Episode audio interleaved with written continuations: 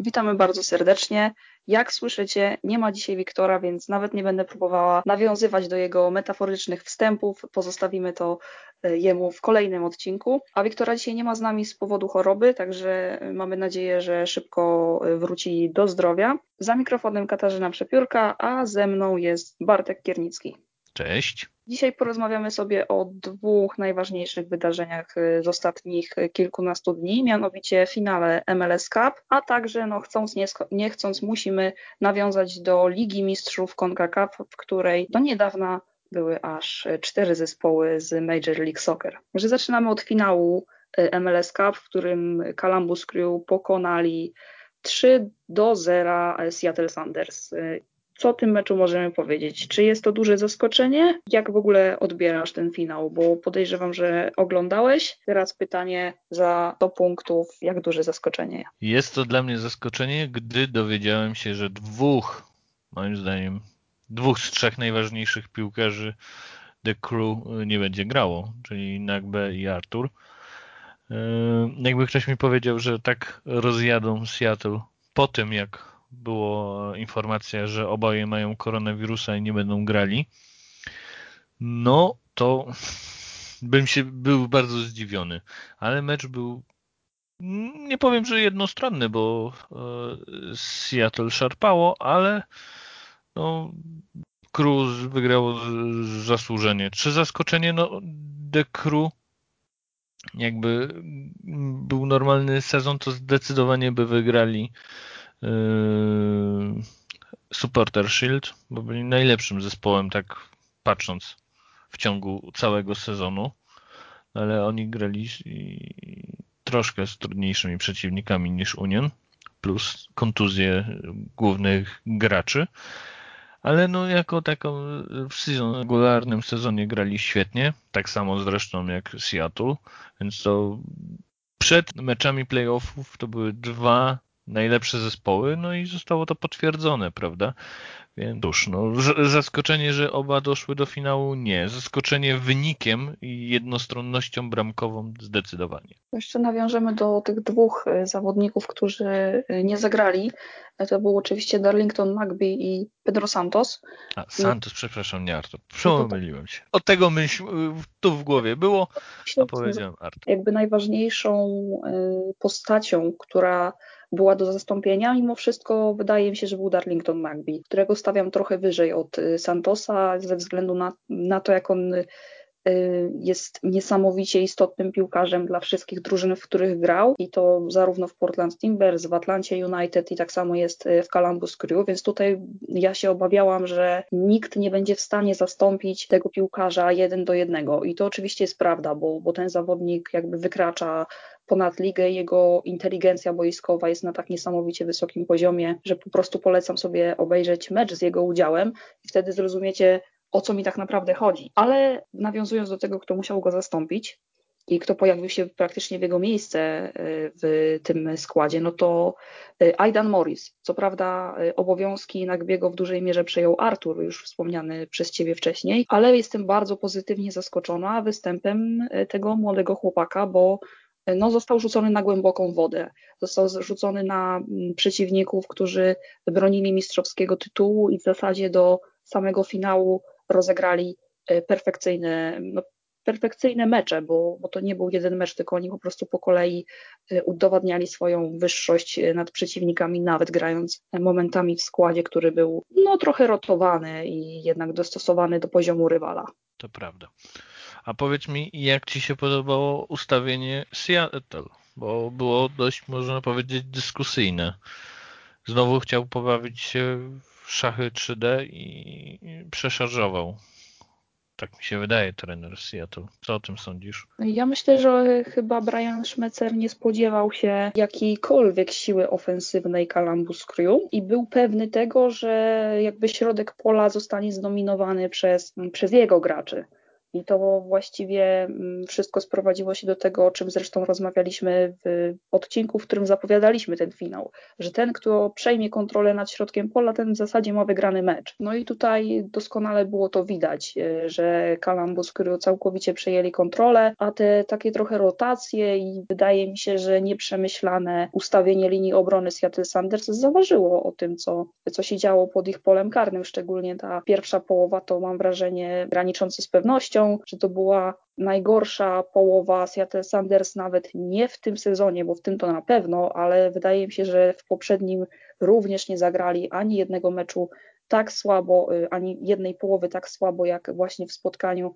z Columbus Crew. Tutaj było to widać gołym okiem, że żaden z piłkarzy nie wiedział, co zrobić, a Lodeiro był całkowicie odcięty od jakichkolwiek podań, już nie mówiąc o tym, że naprawdę no, nie wiedział, co zrobić i jak e, no, pociągnąć swój zespół do jakiegokolwiek zrywu. No, to prawda. Ja też mieli, nie można powiedzieć, że The Crew było y, cały czas lepsze. Tam mieli, szarpali, było kilka takich sytuacji stykowych. Mieliby trochę więcej szczęścia, były, e, byłyby gole, ale cóż, no The Crew zagrali tak, że no Seattle, tak jak mówisz, y, to był najgorszy. No faktycznie, nie umiem sobie w tym sezonie zdecydowanie chyba nie umiem sobie przy, przypomnieć gorszego meczu Seattle pierwszej połowy. No i Crew to wykorzystali brutalnie. Więc tak jak mówisz, mm, jest to chyba właśnie to, dlaczego przegrali. No, oni przegrali w pierwszej, pierwszym, pierwszej połowie, a w drugiej chyba gazu im zabrakło. Też pa, trzeba pamiętać, że The Crew chyba dwa dni odpoczywało więcej. To też, to też jest e, istotne, no, co, co, co Brian też powiedział, że mieli mniej czasu na odpoczynek. O, to tak samo jak Minnesota miała mniej czasu na odpoczynek grając w Seattle. To jest wielki ukłon. Takie, tego typu wymówki przy takiej drużynie, jaką jest Seattle Sanders i przy głębi, mają, no to, to jednak jest troszeczkę słaba wymówka. I tutaj nie podoba mi się takie tłumaczenie tego wyniku. No sorry, to są, to są dwa dni i ja wiem, że sezon był wymagający, ale sezon był wymagający dla każdej drużyny. Ja bym nie upatrywała tego, że akurat im zabrakło no e, tak, tylko to była jego wymówka, prawda? Podróż i tak dalej. Okej, okay, to wszystko jest prawda, tylko że gdyby mieli lepszy wynik w sezonie zasadniczym, to graliby u siebie ten finał i podejrzewam, że nie byłoby takich dyskusji, więc zero-jedynkowe. E, w każdym razie chcę jeszcze nawiązać do drugiego strzelca gola, Derrick Etienne. Bardzo nas to cieszy, bo już nieraz e, wspominaliśmy o o tym, jak y, niedocenianym jest zawodnikiem i bardzo mnie cieszy, że akurat y, Caleb Porter dał mu szansę i ten ją po prostu wykorzystał, bo zasługiwał na tego gola i zasługiwał na to, żeby udowodnić i pokazać wszystkim, że słuchajcie, ja tutaj jestem, potrafię grać, a New York Red Bulls to no mogą sobie pluć w brodę, że wypuścili takiego zawodnika, bo w tym momencie bardzo im, by im się przydał. Mm, to no tak, zdecydowanie. No jak no. już jesteśmy przy takich, przy tego mm, typu omawianiu meczu, no to musimy powiedzieć sobie mm, jasno, że bohaterem tego spotkania został e, Lukas Zelarajan, czyli najlepszy zawodnik, który w tym sezonie przyszedł do MLS-u. Nagroda w pełni zasłużona. E, pod nieobecność Pedro Santosa, Darlingtona Nagbiego, to on był tym e, liderem. Dwa gole, asysta, mm, udział przy wszystkich trzech bramkach w najważniejszym meczu sezonu i to z, z drużyną, która broni mistrzostwa, z drużyną, która na papierze jest lepsza. Drugi piłkarz w historii, który w ogóle strzeli, brał udział przy wszystkich e, trzech e, golach w finale MLS Cup. Co ciekawe, e, wcześniej dokonał tego tylko Guillermo Barros Scalotto w 2008 roku i uwaga, no to jest też piłkarz, który grał dla Columbus Crew i to właśnie on wtedy brał udział przy tych wszystkich trzech golach swojej drużyny, która wtedy sięgnęła po MLS Cup, więc mamy taką e, piękną historię, historia zatoczyła koła bardzo, to są takie oczywiście ciekawostki, smaczki, możemy sobie do tego wracać, no ale trzeba powiedzieć, że jest to jednak w pewien sposób symboliczne. No jest też e, trzecim zawodnikiem, który strzelił dwa gole e, w finale. To jest trudna sztuka, wyróżniać się na tle wszystkich innych zawodników do tego stopnia, no to trzeba pokazać naprawdę wielką klasę, a on tego dokonał y, i za to, za to należą mu się naprawdę ogromne brawa, bo bez, bez niego nie byłoby tego wyniku. Tak samo jak y, nie byłoby w ogóle Crew w tym miejscu, gdyby nie Caleb Porter i gdyby nie Tim Bezbaczenko.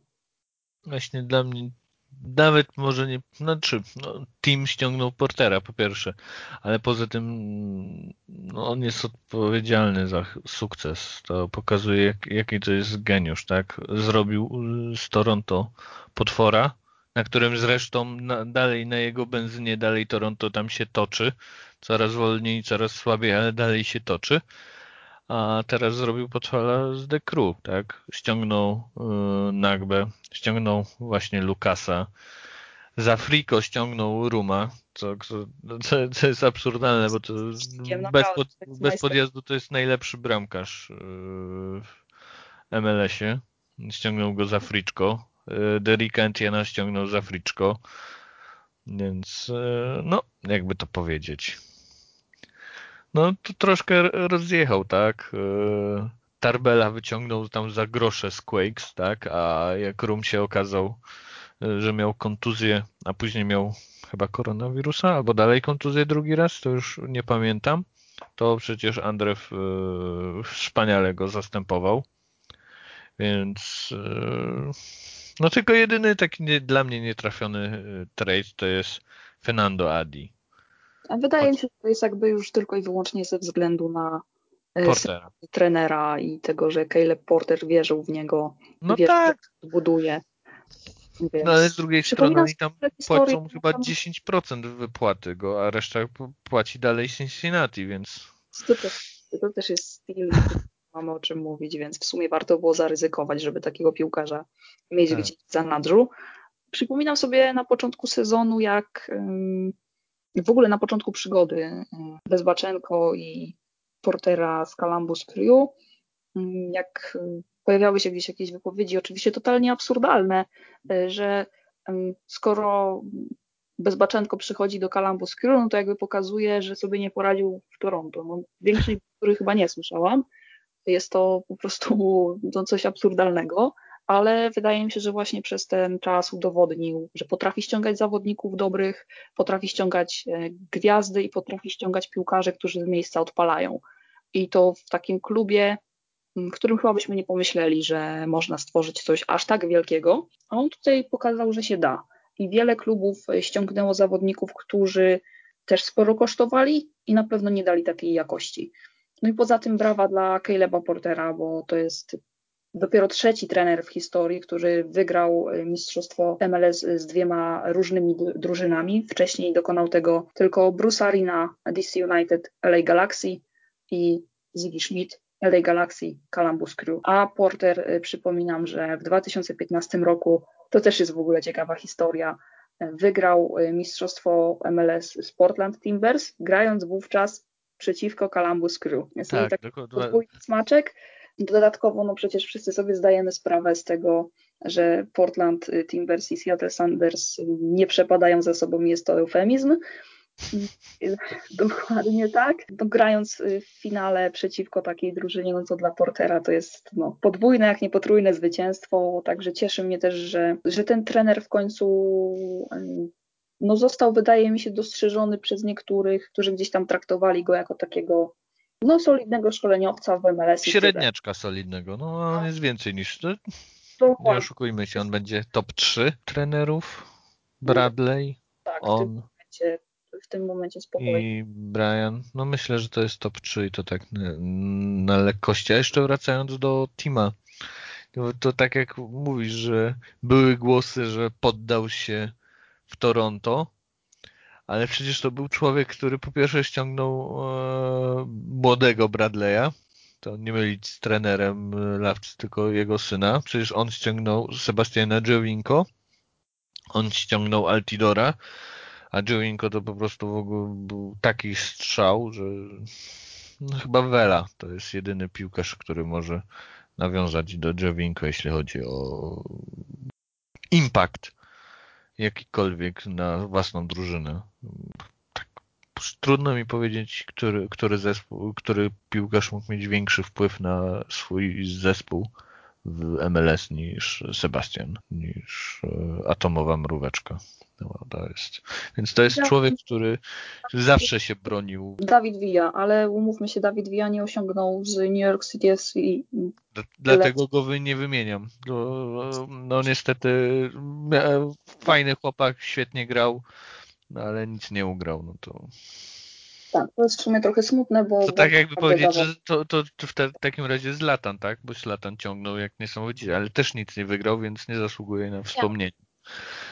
Dobra. No. Nie, to było... Bo tu roast się zaraz odpali, więc uspokójmy się, wyciszmy. Dobrze. Co dalej? Poza tym, że Seattle e, jest no, silnym zespołem i Columbus jest silnym zespołem, to przejdźmy płynnie. Kto teraz będzie reprezentował e, MLS w 2021? The Crew, Atlanta, to już nie, nie mam nawet siły tego e, roastować. Union i czwarty? Portland Timbers, bo mówimy oczywiście o Lidze Mistrzów CONCACAF, rozumiem. Dokładnie. Tak, więc...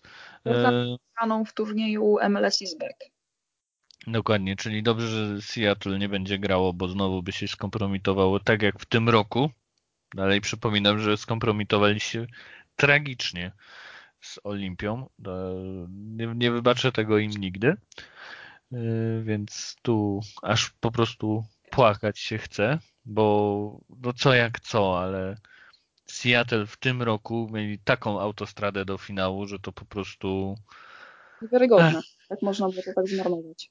Tak. I tym płynnym przejściem y, Columbus moim zdaniem, jeśli nie straci zawodników, a wzmocni się tak, jak chodzą plotki, czyli na przykład y, Bradleyem, W. Phillipsem, tak, jako rezerwowy y, napastnik, to moim zdaniem Columbus powinno sobie dać radę y, w, w Champions League. Ja nie mówię o wygranej, ale tak, półfinał, finał, nie zdziwiłbym się. Dlaczego? Bo jak na MLS, oni mają bardzo dobrą obronę. I świetnego bramkarza, i świetną obronę. Ma, mają Lukasa, złotego chłopaka z Argentyny, więc nie zdziwiłbym się. Portland to, to już jest gorzej. No, Union to już jest jeszcze gorzej.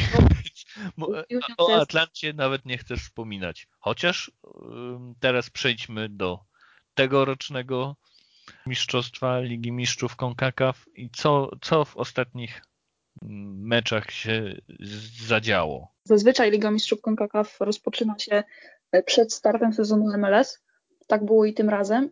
Rozgrywki zostały przerwane w trakcie ćwierćfinałów ze względu na pandemię e, koronawirusa.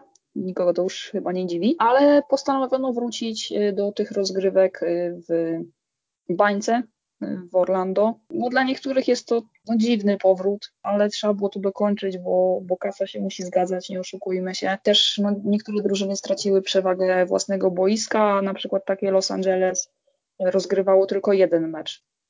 Także no dziwne, dziwne to były rozgrywki w tym sezonie, w zasadzie są, bo jeszcze się nie zakończyły. W każdym razie w tych ćwierćfinałach zostały cztery drużyny z MLS-u, żadna nie grała przeciwko sobie. New York City przegrali w pierwszym meczu z Tigres 0 do 1. No i w tej bańce wystawili taki skład, że może ty coś powiesz, bo, bo mnie po prostu brakuje słów. Znaczy, Zacznijmy od tego, że bardzo ciekawą rzeczą jest to, że jeśli gramy tak, że zaraz było po sezonie, było pięć spotkań klubów MLS w tym ostatnim ciągu czterech dni i cztery z pięciu zostały wygrane, a trzy były przeciwko klubom z Meksyku. Przypadek? Tak sądzę, ale to też pokazuje, jaka jest różnica, gdy MLS gra jako pierwsze mecze w ogóle w sezonie, a jak jest jak grali no, 3 tygodnie, 4 tygodnie temu, prawda? Albo miesiąc chociaż. Że ten sezon jeszcze plus minus w nogach jest jest rozegranie. Więc to jest bardzo ciekawe, no bo po pierwsze, Montreal Impact wygrał z Olimpią. Wygrali. Plus minus był to dobry mecz. Mieli trochę pecha, mogli, mogli nawet awansować.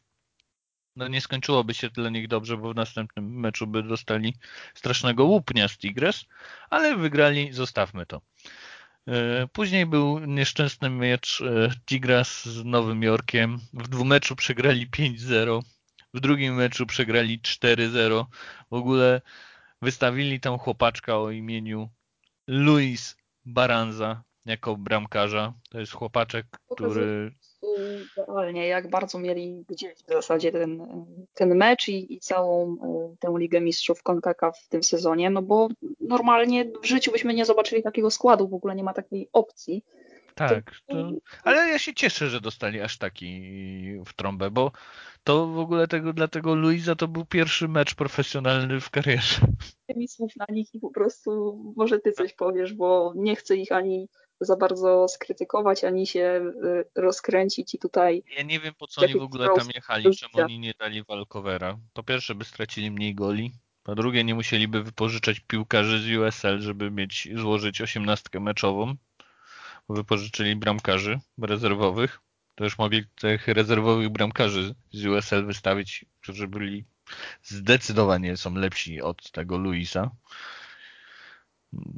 No, co ja mam powiedzieć? No, no, no to był dramat. No, no 4-0. Tam oni. Już, I skandaloza. I... Ja, ja już sprawdzę statystyki. Oni oddali 15 strzałów Nowy Jork, a Tigres oddali 6 strzałów. Z 15 strzałów trafiły 3 w światło bramki, a Tigres z 6 strzałów trafiło 6 światło bramki, a 4 zmieniły się na gol. Więc no, no co ja mam powiedzieć? No, tu klasa, tak? To, to nawet to tak jakby MLS grało nawet nie z USL Championship, ale nie wiem, z USL One albo Two. Albo PDL, no nie, jeszcze to stare PDL, czyli USL League Two, no dokładnie. Więc to zostawmy to. No, ja, ja współczuję kibicom z Nowego Jorku, a tym, którzy w ogóle wstali tam o tej chyba czwartej, czyli dla nich to chyba była dwunasta w nocy, żeby oglądać takie coś, no po prostu im współczuję. Później mamy tą nieszczęsną Atlantę, która była zdecydowanie lepszym zespołem od, od klubu Ameryki. Tylko Ochoa, jego po prostu wyciągnięcia z linii po prostu nie sprawiły, że Atlanta w ogóle by awansowała, bo tutaj byłoby co najmniej dogrywka gdyby nie yy, bramkarz meksykański. W pierwszym meczu Ameryka wygrała 3 do 0 z Atlantą. No i, i myślę, że jakby był inny bramkarz niż Ochoa, to było 3-0 dla Atlanty i by, byłyby karniaczki. Więc yy, tutaj no na przykład bardzo polecam, żeby chociaż sobie sprawdzić dla słuchaczy, jak wspaniałą asystę zaliczył Bello Mm, przy strzale w ogóle chłopaczka, który jest wychowankiem. To by był chyba pierwszy gol dla, dla Atlanty przez niego strzelony, czyli Jackson Conaway. To w ogóle też fajna sprawa. On tam wszedł e, z ławki i ten chłopaczek 19-letni strzelił gola. Więc e, to bardzo, bardzo fajne. No ogólnie ja bym powiedział, że jakby był dwumecz, to Atlanta by awansowała teraz. Wiem, że to jest odważna, odważna teza, mówiąc o zespole, który skończył chyba 12 albo 13 sezonu regularnego w MLS. To oni prezentowali w tym sezonie e, MLS, no to. I oni tak i tak grali, grali lepiej od Ameryki. To naprawdę, no, opieram się na rozszerzonych. Y, nie oglądałem całego meczu, ale i, ogl i, znaczy oglądałem mecz na YouTubie, przeskakiwałem, poświęciłem na to godzinę, więc można powiedzieć, że plus minus oglądało, oglądałem to spotkanie. Później mamy e, Los Angeles FC, którzy grali y, z Cruz Azul. To od razu nie możemy się aż tak podniecać, że to był drugi mecz Los Angeles FC, który wygrali z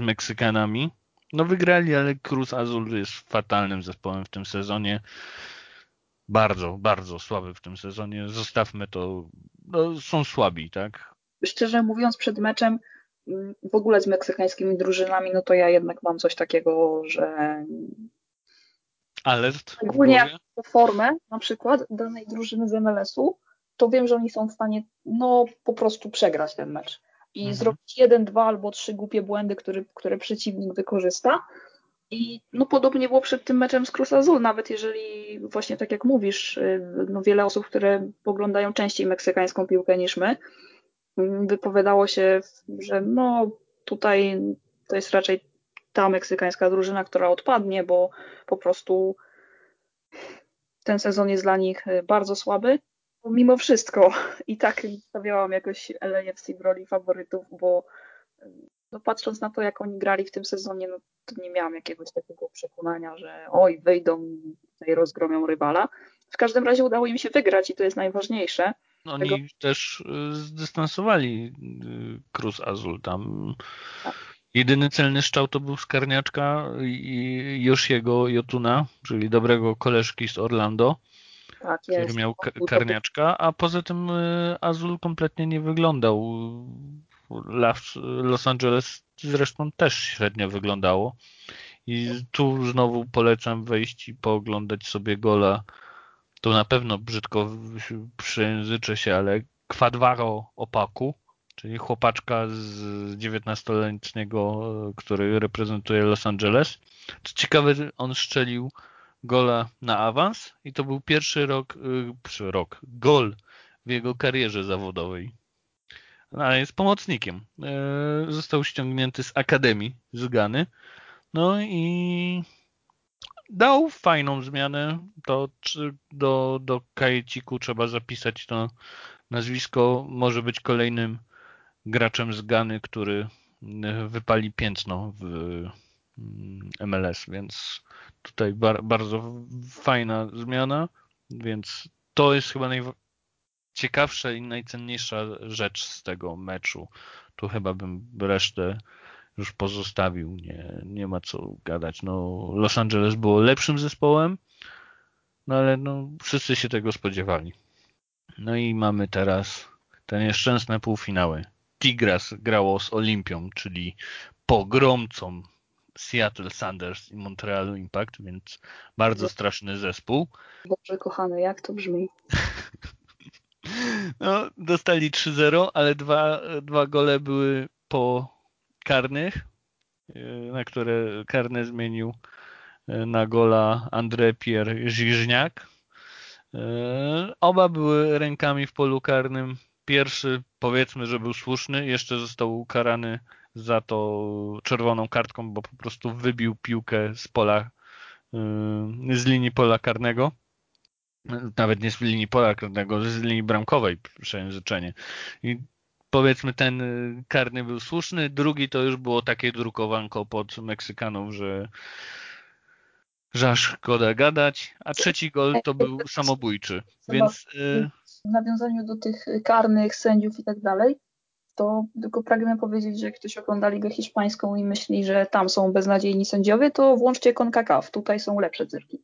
Powiem tak, ja od no, miesiąca oglądam ligę indyjską. Nie ma tam dobrych sędziów. Ba, tam są najgorsi sędziowie, jakich widziałem, ale tak i tak nie są tak źli jak sędziowie z CONCACAF. Naprawdę. Pisałem, pisałem ostatnio na Twitterze, nie, sędziowie hinduscy są najgorsi, nawet CONCACAF mają wyższe standardy. Odpaliłem dwa mecze i nie, nie, nie, nie, nie, nie, nie. Ja wiem, ja wiem, że się sędziuje przeciwko gringos, no ale Olimpia nie jest Gringos i też pod nich nie sędziowali, więc mnie zastanawia, jakie byłyby wyniki, jakby wprowadzono VAR i yy, sędziów spoza CONCACAF do tego turnieju. Moim, moim zdaniem całkowicie byłyby zaburzone wyniki przez ostatnie 5 lat. To które plus minus obserwuję, to myślę, że troszkę by się pozmieniało. No ale. To, co się tam dzieje, no to to jest po prostu jakiś żart. Po prostu żart. No, no gwizda się przeciwko Gringos, więc Kanada i i USA zawsze mają plus jeden do trudności, jak nie plus dwa, więc tu no, no, no jest to specyficzne. Mm.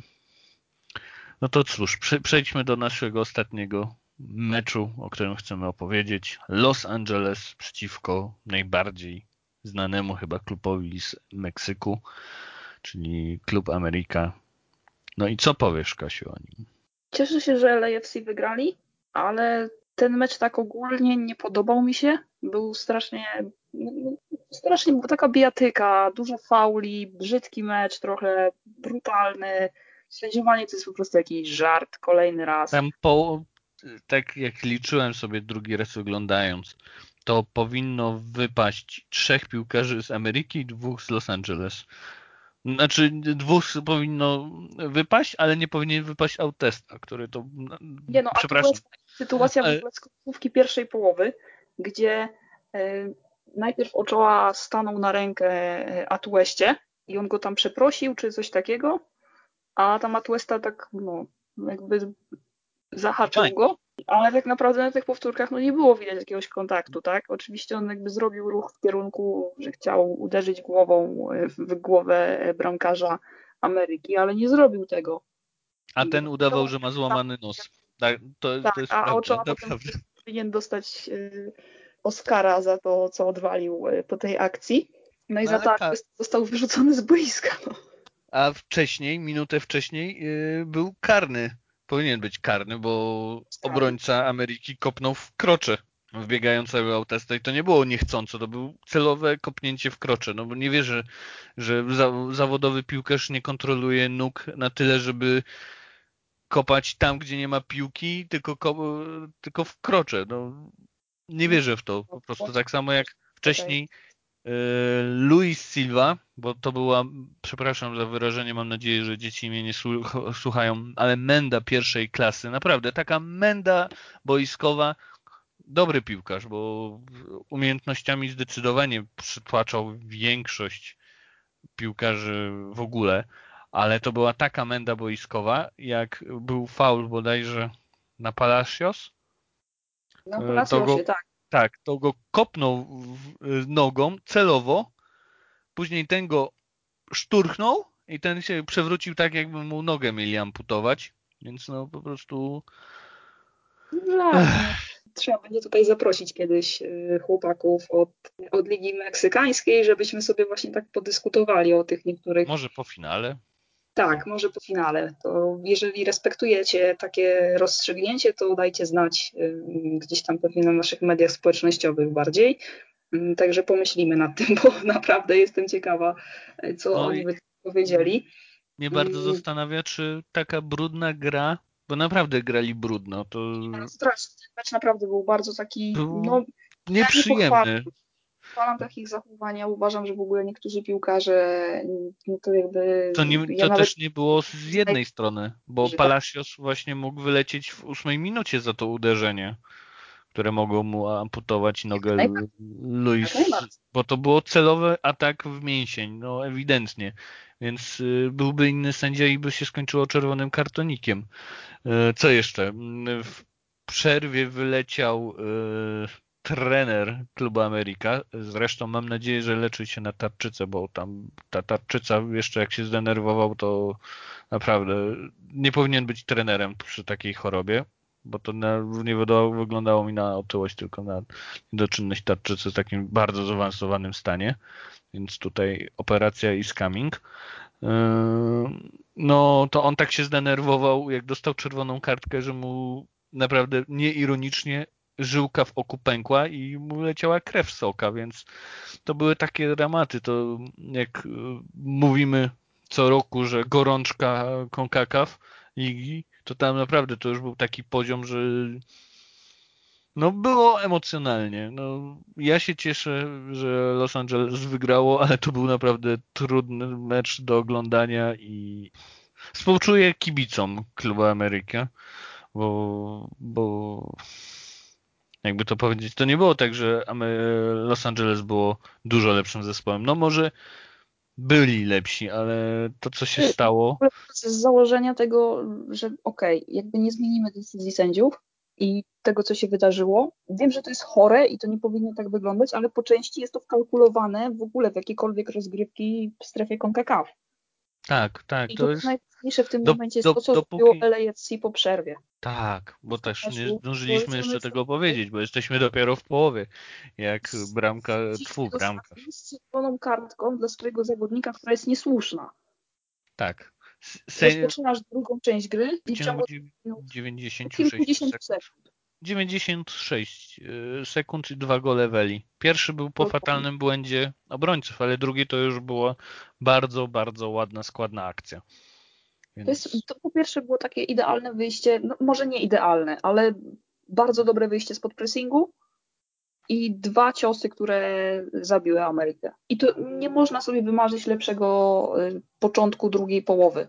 Jak grasz jednego zawodnika mniej y, i twój najlepszy zawodnik 96 y, sekund odrabia straty i z 0-1 robi się 2-1 dla ciebie, to no nie może być, nie ma czegoś takiego jak no lepsze rozwiązanie w tym momencie. Jakby nie wyobrażam sobie czegoś takiego i bardzo też mi się podobało no, takie mentalne nastawienie LAFC, bo ja się tego zawsze boję po drużynach MLS-u, że właśnie jak one już zaczynają przegrywać z drużynami z Meksyku, no to, generalnie pampersy i do widzenia, tak? I już, jest, już są ciężary i naprawdę nie wygląda to dobrze no, do tego meczu, bo, bo tutaj naprawdę byłam pod wrażeniem, jak sobie poradzili z, no, z takim ciosem, tak? A tutaj wychodzą na drugą połowę i, i robią coś takiego. Czytałam teorię e, naszych kolegów od Ligi Meksykańskiej, że być może Bob Bradley karmił ich mefedronem w przerwie i puścił na kogoś. No, nie, nie było szale, szale, szaleństwa przemowa mefedron i wjeżdżamy na nich na, od drugiej części gry. Oczywiście to jest pół żartem, pół serio, bo jestem pewna, że Bradley nastawił ich w przerwie meczu, bo to jest jednak no, klasowy trener, co by nie mówić. Vela też swoje zrobił. O nim no, można mówić wiele, bo to jest zawodnik, który on naprawdę ma w dupie piłkę nożną. Nie obchodzi go piłka nożna. On woli obejrzeć meczek NBA niż piłkę nożną. Ale... w zasadzie nie jest dla niego jakimś wielkim problemem, że nie dostał powołania do reprezentacji. On w sumie może nawet nie chce czasami jechać na tę reprezentację. Jest ja to myślę, że on już nie, nie zagra dla reprezentacji. Oczywiście nie. Ale jest zawodnikiem wybitnym i naprawdę y, to, co on robi na boisku, no był najlepszy i to tak na kilka długości od każdego innego gracza tam na boisku. To nie ma szans. Niesamowicie ciekawa jego pojedynku y, z Żyniakiem y, w finale. Bo podejrzewam, że to są, że to będzie najbardziej elektryzujące takie starcie tej dwójki zdecydowanie, bo tutaj oczywiście po jednej i po drugiej stronie mamy ważnych zawodników, ale jakby światła E, kamer i uwaga kibiców e, na całym świecie, tych, którzy śledzą CONCACAF, spokojnie, wiem, że cały świat tego nie śledzi, zdaję sobie z tego sprawę, to ci, którzy będą oglądali, e, to, to właśnie ze względu na tę dwójkę, bo, bo to jest naprawdę niesamowicie intrygujący pojedynek. Jeszcze chciałbym zwrócić na jedną rzecz uwagę.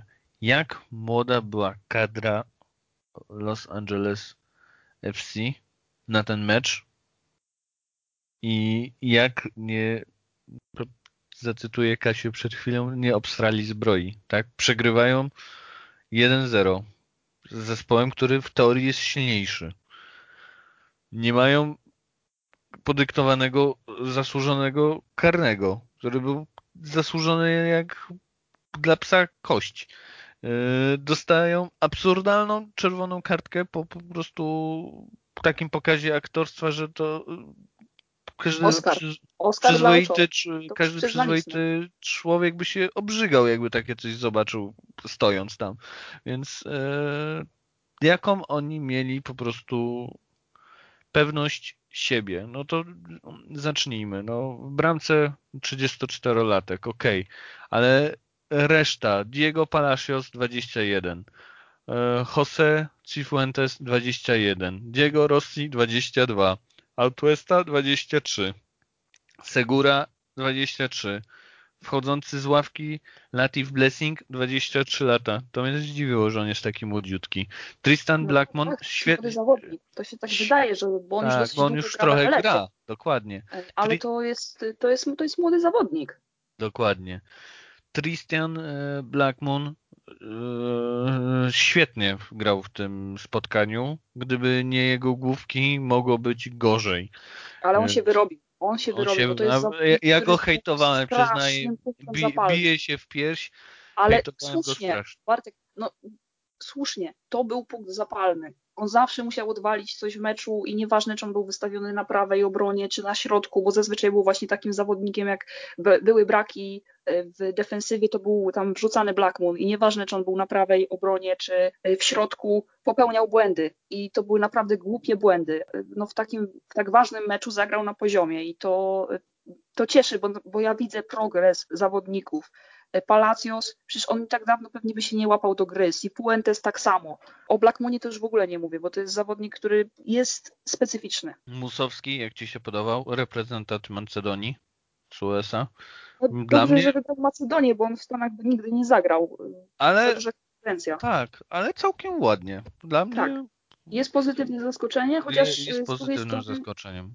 Jak oglądałeś y, jego mecze w Renault, to mhm. no, on się tam wyróżniał. No, był, był zawodnikiem lepszym i też widzę właśnie, że LAFC idzie w takie nieoczywiste kierunki. Tak, świetnie bardzo skautują. Mocno. Świetnie, no przecież... Świetnie właśnie obserwują te drużyny, które są gdzieś w niższych dywizjach, albo takich zawodników, którzy są niskobudżetowi, a przy okazji są nie do końca chciani w swoich drużynach. Latif. I jeżeli zgłasza się do ciebie taki zespół jak LAFC, to ty po prostu idziesz tam w ciemno. Nawet jeżeli masz, będziesz mieć podobne zarobki jak w poprzednim klubie, no to jednak przy takim trenerze, jakim jest Bradley, widać postępy. I to nie jest jeden zawodnik, który gra lepiej, tylko to jest naprawdę tak. wielu wielu piłkarzy. Oczywiście ta kadra nadaje się trochę do przebudowy, ale widzimy postępy i, i, widzę, że ci zawodnicy, którzy są ściągani z młodzieżowych drużyn z Ameryki Południowej, to są naprawdę dobre deale i to są naprawdę świetni zawodnicy.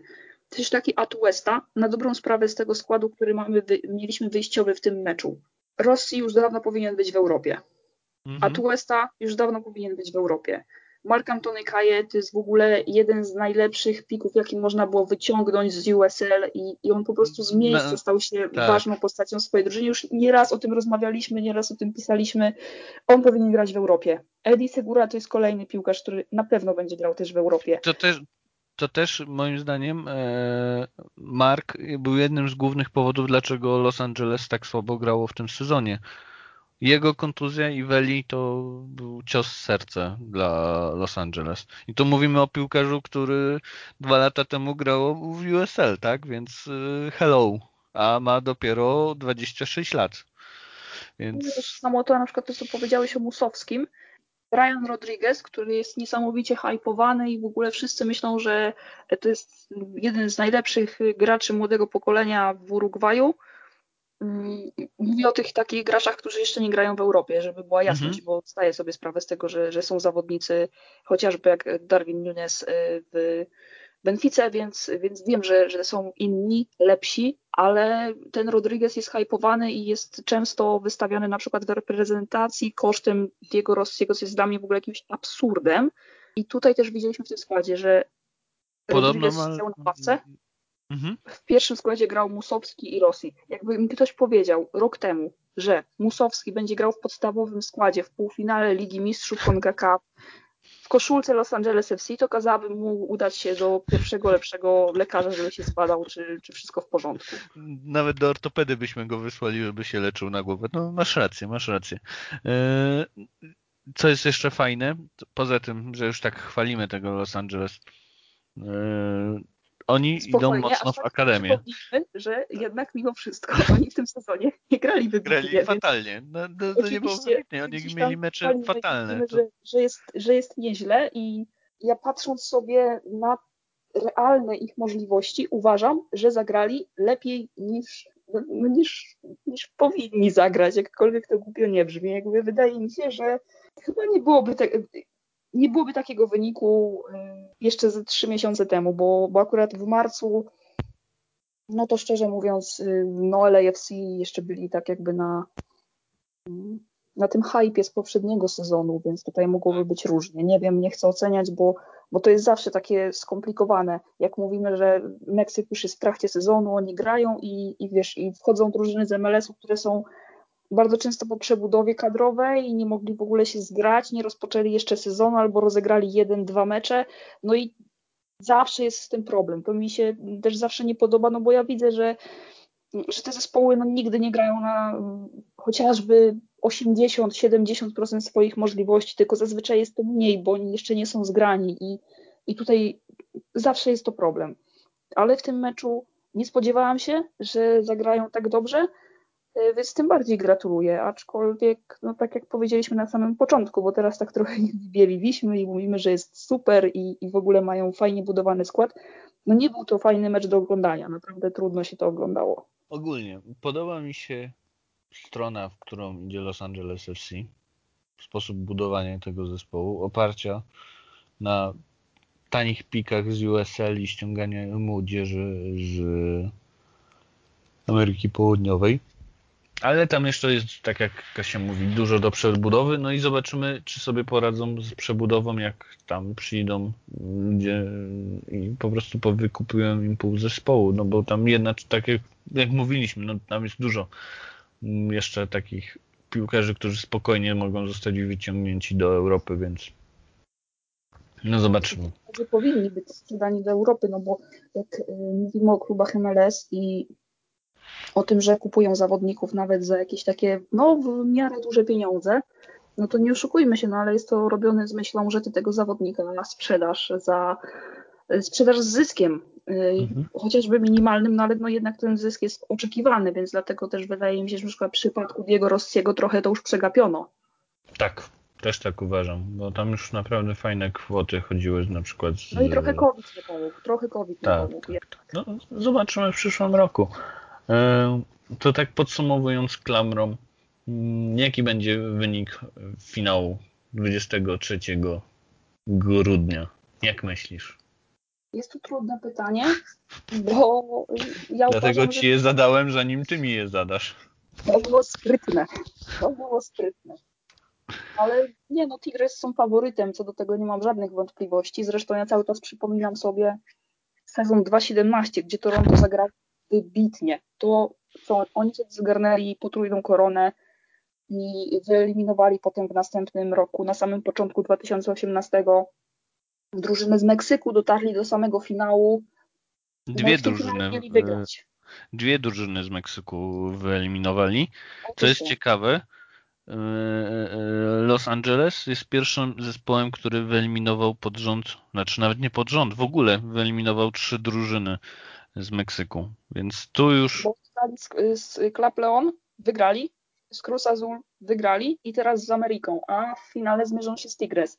Więc y, no nie mieli łatwej drabinki, nie oszukujmy się. Ale wracając już do tego samego finału i do mojej myśli jakby przewodniej, mianowicie pamiętam to Toronto FC, to, było, to była naprawdę dobra drużyna i oni byli tam faworytem, a mimo wszystko przegrali, więc... Ten karniaczek Bradley'a.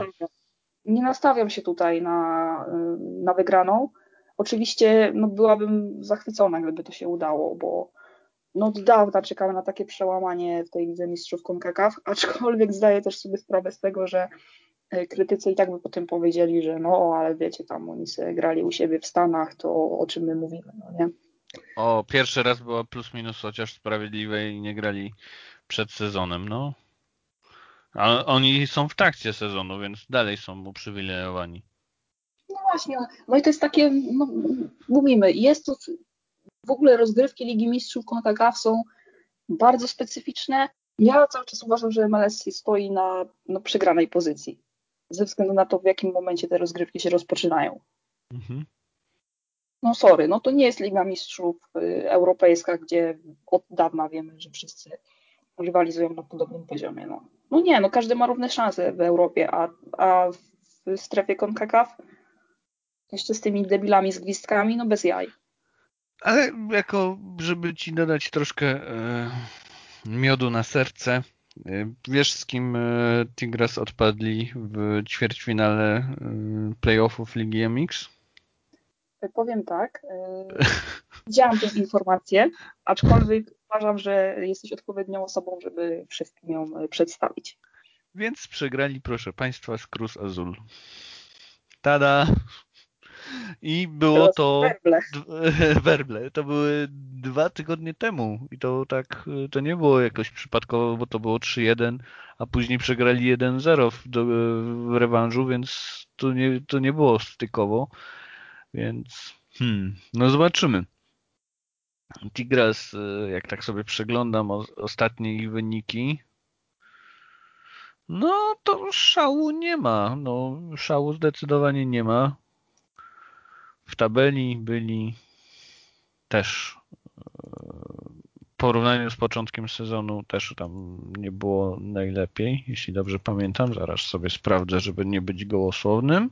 Tak, oni, pamiętam, oni byli szóści. Bardzo, mm, bardzo ciekawą statystykę dotyczącą tego, oni... jak wypadają w ogóle w finałach y, rozgrywek. Y. Tak.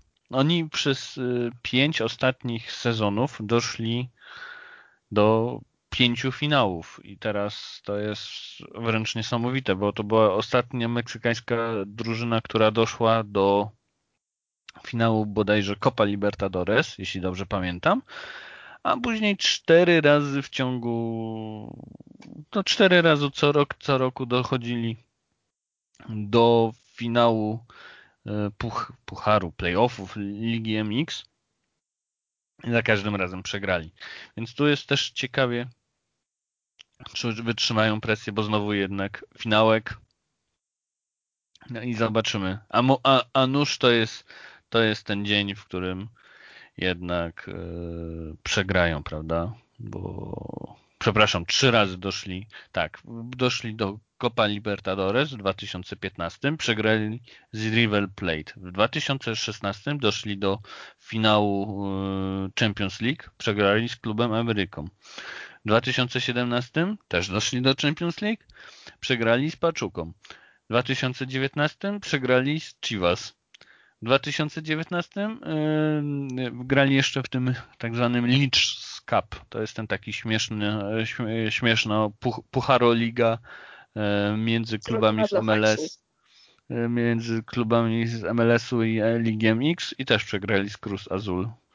Więc no to nie jest zły zespół, tak? To jest wręcz potentat. Ale z drugiej strony w ciągu tego roku wygrali na 20 spotkań 10. Więc y, a w lidze na 17 spotkań 7. Więc tutaj tak no nie styka mi to.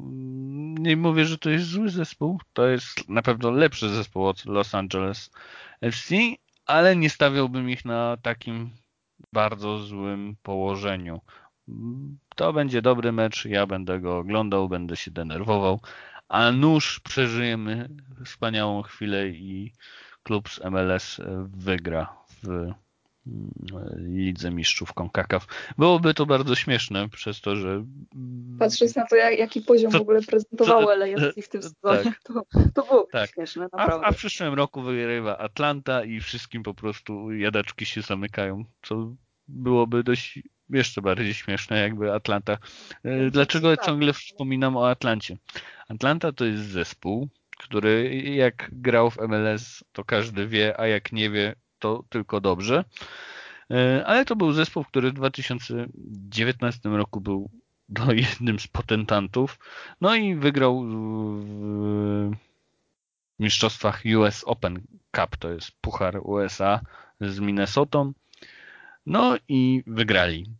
I przez to, że w tym roku nie grało US Open Cup, to dalej będą reprezentowali USA w CONCACAF, bo no bo tak, bo po co wybrać e, najlepszy punktowo zespół w MLS albo najlepszy no, z drugiej konferencji. Co narzekasz? Co narzekasz? Podoba się? No co ja mam powiedzieć? No. Nie, no oczywiście jakby zdajemy sobie sprawę z tego, że no, w ogóle ten sezon był absurdalny pod wieloma względami i chyba już nieraz narzekaliśmy na tego typu mm, rozstrzygnięcia, no bo jest to jednak śmieszne. W każdym razie zapraszamy, mm, polecamy oglądać finał e, Ligi Mistrzów CONCACAF, który będzie rozegrany z wtorku na środę o godzinie czwartej, więc e, polecam sobie na przykład na środę ustawić budzik na czwartą, no, albo można tak oglądać przed na czwartą. Można oglądać na YouTube. Tym bardziej, że jest za darmo, legalnie, na YouTubie w jakości HD z angielskim komentarzem. Czy może być y, lepsza rekomendacja? Przynajmniej nie są to jakieś głupoty wypowiadane przez komentatorów polskich stacji telewizyjnych podczas meczów drużyn MLS. Brutalnie, ale jedną tylko rzecz proponuję sobie przygotować. Albo taki garneczek litr meliski, albo kilka kielonków płynów wysokoprocentowych. Rana bardzo. Gdyż, ponieważ możecie się denerwować. nie będziecie spać, no to wtedy jesteście usprawiedliwieni. Gdyż, ponieważ możecie się denerwować na sędziów. Komukolwiek będziecie kibicować, sędziowie was skrzywdzą. Czy będziecie kibicować dobremu meczowi? Czy będziecie kibicować Los Angeles? Czy będziecie kibicować Tigras? Tak czy siak zostanie skrzywdzenie jesteście po stronie MLS-u, pamiętajcie, wybierzcie dobrą stronę. Jasną stronę mocy. No tak, jasna sprawa. Tutaj jakby wybór jest prosty. Oczywiście żartujemy i, i, mamy nadzieję, że to będzie po prostu dobre spotkanie z wynikiem, który zadowoli nas, a nie naszych y, kolegów. Y, Od Ligi Meksykańskiej. Dokładnie Ale... tak. Także z pozdrowieniami dla, dla chłopaków, bo to dobre chłopaki są. I Bardzo. trzeba sobie powiedzieć. I czy coś jeszcze mamy do dodania, proszę Państwa? E, czy możemy powoli kończyć? Bo jak zawsze się rozgadaliśmy, chociaż podejrzewaliśmy, że teraz będzie mm, trochę krócej, bo... Kasia, spokojnie, zamkniemy się w 20, max 25 minut. Właśnie minęła nam godzinka, więc tym... Dokładnie tak było. Godzinę temu sobie rozmawialiśmy, nie, no dzisiaj to tylko pół godziny, więcej, więcej nie ma sensu, więcej, na pewno nie czym, powiemy więcej. O czym możemy rozmawiać? No mogliśmy. A no słuchajcie, to wszystko bez Wiktora, który po prostu nie może za bardzo mówić, więc nie dołączył dzisiaj do nas. Także życzymy zdrówka, niech, niech szybko się wyleczy z tej anginy i mamy nadzieję, że w następnym odcinku będzie już razem z nami. Także Święto... pozdrawiamy ciepłutko. I teraz biedny Wiktor wygra Los Angeles, super. Przegra Los Angeles, też super, bo jest kibicem Galaxii. Więc no poza tak. chorobą życzę miłego dnia. Więc w takim razie yy, zostawmy to już wszystko i życzę Wam. Życzymy Wam dobrego meczu. Zapraszamy na nasze e, sociale, bo, bo jesteśmy aktywni i na Facebooku, a przede wszystkim na Twitterze, czyli e, amerykańska piłka. E, znajdziecie nas bez większych problemów. A za dzisiaj dziękuję Bartosz Kiernicki i Katarzyna Przepiórka. Do usłyszenia. Pozdrawiamy.